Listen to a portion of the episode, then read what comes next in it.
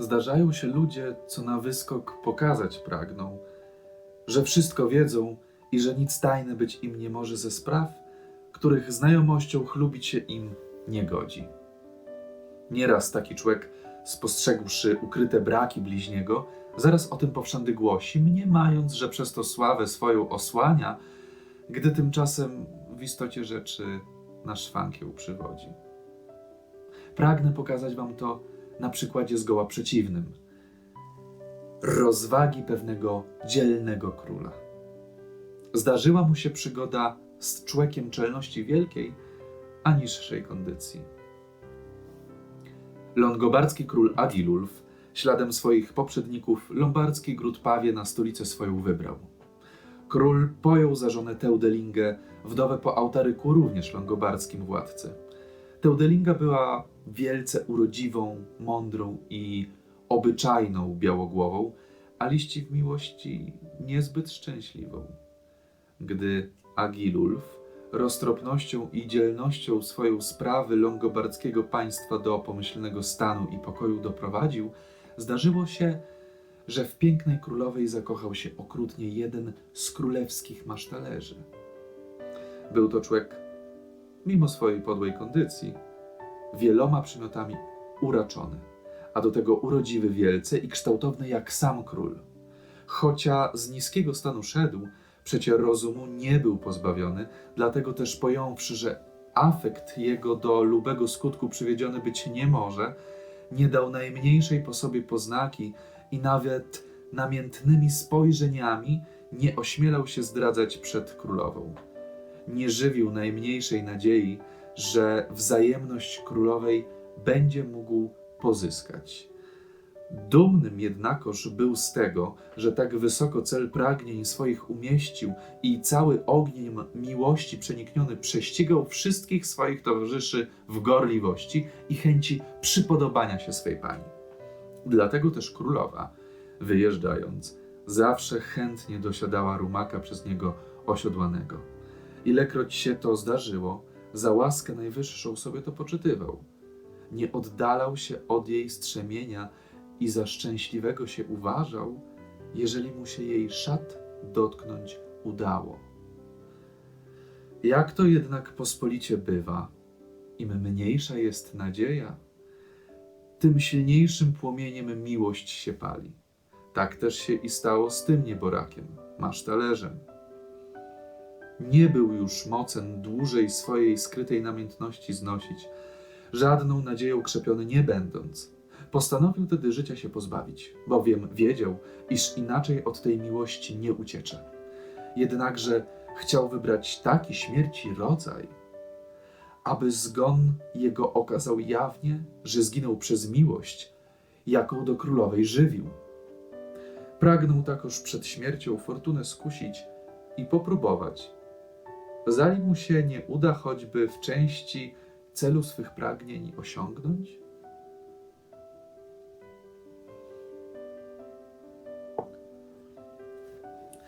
Nie myślał wyznawać królowej miłości swojej lub na piśmie jej wyrażać. Wiedział bowiem, że to na niczym by spełzło. Postanowił jeno chytrego jakiegoś sposobu się chwycić, aby z królową jedną noc przepędzić. Nie było ku temu innego wyjścia, jak za króla się przebrać, o którym wiedział, że nie zawsze nocą żonę odwiedzał i do komnaty sypialnej się dostać. To postanowiwszy, kilka nocy z rzędu spędził ukryty w wielkiej sali zamkowej, która znajdowała się między komnatami króla a królowej. I starał się podpatrzyć, jak i w jakim stroju król do małżonki zwykł przybywać. Pewnej nocy obaczył wreszcie króla, który wyszedł z swojej komnaty owinięty w szeroki płaszcz, trzymając w jednej ręce zapalony ogarek, a w drugiej laskę. Król zbliżył się w milczeniu do drzwi komnaty królowej i zastokał do nich raz czy dwa razy swoją laską. Na to otwarły się natychmiast drzwi i królowi świece z rąk odebrano. Zauważywszy tedy sposób wejścia, a potem wyjścia króla, postanowił masztalerz swego pana jak najściślej naśladować.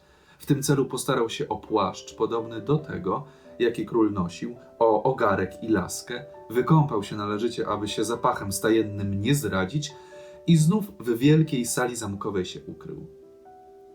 Upewniwszy się, że wszyscy twardym snem są zmorzeni i że sposobna chwila na to nastała, aby albo swoje pragnienia uskutecznić, albo też godną drogę do śmierci znaleźć, skrzesał przy pomocy chubki, co ją miał przy sobie trochę ognia, zapalił ogarek i otuliwszy się szczelnie w płaszcz, podszedł do drzwi, w które dwa razy laską uderzył.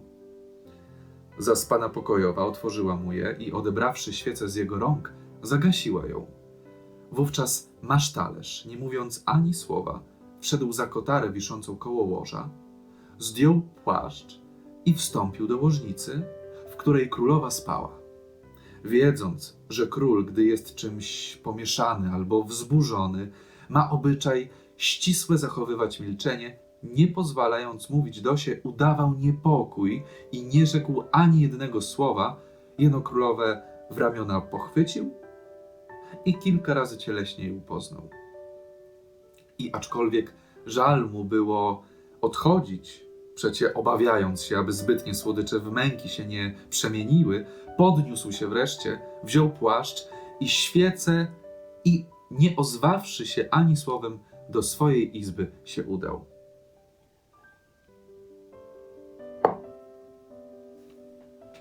Zaledwie jednak masztalerz legł w swej własnej pościeli, gdy król udał się do komnaty królowej. Królowa wielce się z tego zadziwiła. Gdy się obok niej położył i wesoło ją powitał, rzekła do niego uprzejmością tą ośmielona. Cóż to za nowy obyczaj macie tej nocy, panie mój i małżonku? Ledwieście wyszli ode mnie, zażywszy rozkoszy ponad zwykłą miarę, a już powracacie znowu? Zważcie, co czynicie. Król, słowa te usłyszawszy, dorozumiał się od razu, że ktoś oszukał królowę dzięki podobieństwu stroju i powierzchowności.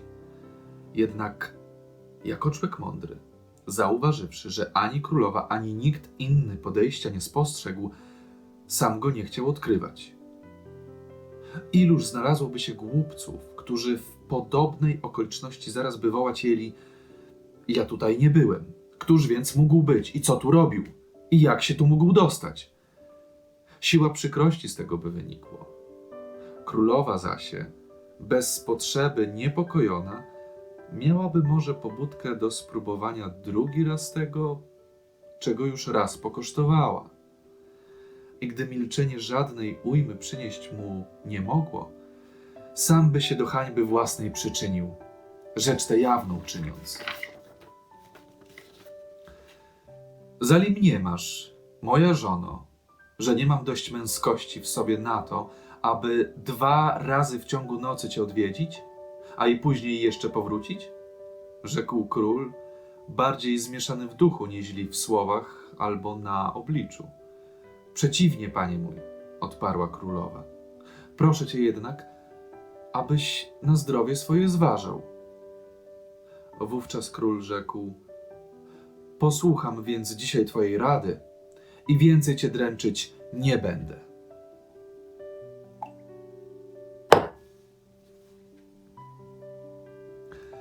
To rzekłszy, płonąc gniewem i rządzą pomsty za wyrządzoną mu zniewagę, narzucił na się płaszcz i opuścił komnatę z zamysłem odszukania po cichu winowajcy, bowiem ten, według jego mniemania, musiał do dworu należeć i żadną miarą nie mógł się jeszcze ze zamku wydostać. Zażegłszy tedy światło, w małej latarce wszedł na długi korytarz, znajdujący się nad stajnią, w którym prawie cała służba spała. Będąc zaś przekonany, że temu, co owo plugastwo uczynił, puls i serce jeszcze po wysileniu uspokoić się nie mogły, jął każdemu śpiącemu z kolei piersi ostrożnie dotykać, aby bicie jego serca wybadać. Wszyscy krzepkim snem już byli zmorzeni krom owego masztalerza. Ów, obaczywszy króla, odgadł od razu, czego jego pan szuka. Z trwogi jego serce, i tak ze zmęczenia niespokojne, jeszcze silniej walić poczęło. Sądził, że jeśli król to spostrzeże, ani chybina śmierć go skaże. Tysiące myśli przemknęło mu przez głowę. Wreszcie, widząc, że król przy sobie broni nie ma, postanowił udać śpiącego i czekać, co król uczyni. Tymczasem król obmacał już wielu śpiących, bez tego jednak, aby znalazł, czego mu było trza. W końcu, doszedłszy do owego masztalerza, poczuł uderzenia jego serca i rzekł sam do siebie: To ten. Nie chcąc jednakoż, aby ktokolwiek dowiedział się o jego przedsięwzięciu, poprzestał na tym, że nożycami, które miał przy sobie, obciął mu z jednej strony trochę włosów. W owych czasach bardzo je długie noszono.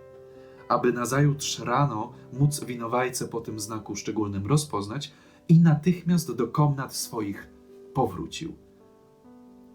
Masztalerz czuł doskonale, co król z nim robi i natychmiast dzięki swemu przyrodzonemu sprytowi dorozumiał się, do czego te postrzyżyny zmierzać miały.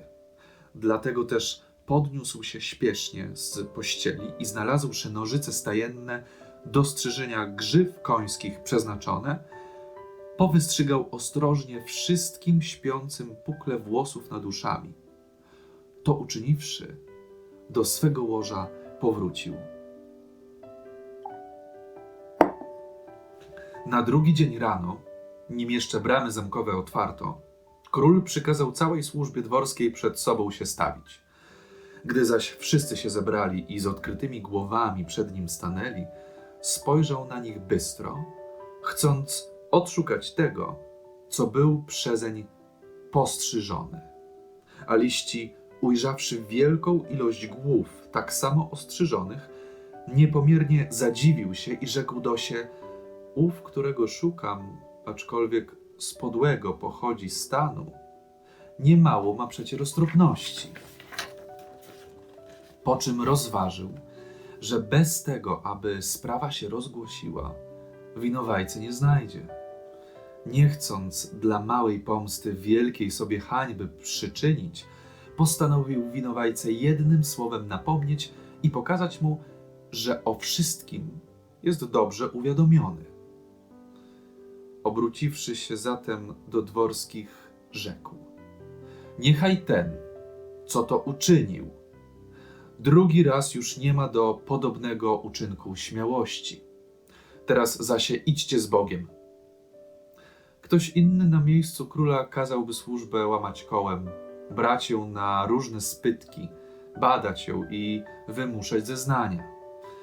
Tym kształtem podałby na jaśnie to, co ze wszech miar w zakryciu pozostać by było winno. Znalazłszy w końcu winnego i zemstę swoją nasyciwszy, nie zmyłby przez to z siebie hańby. Przeciwnie, jeszcze by ją zwiększył, a do tego i żonę osławił. Ci, którzy słowa jego słyszeli, zadziwieni, długo się nad nimi głowili, skrytego ich znaczenia pojąć nie mogąc. Zrozumiał je jeno ten, którego dotyczyły. Masztalerz miał dość rozumu na to, aby za życia króla z tajemnicą swoją nigdy się nie zdradzić.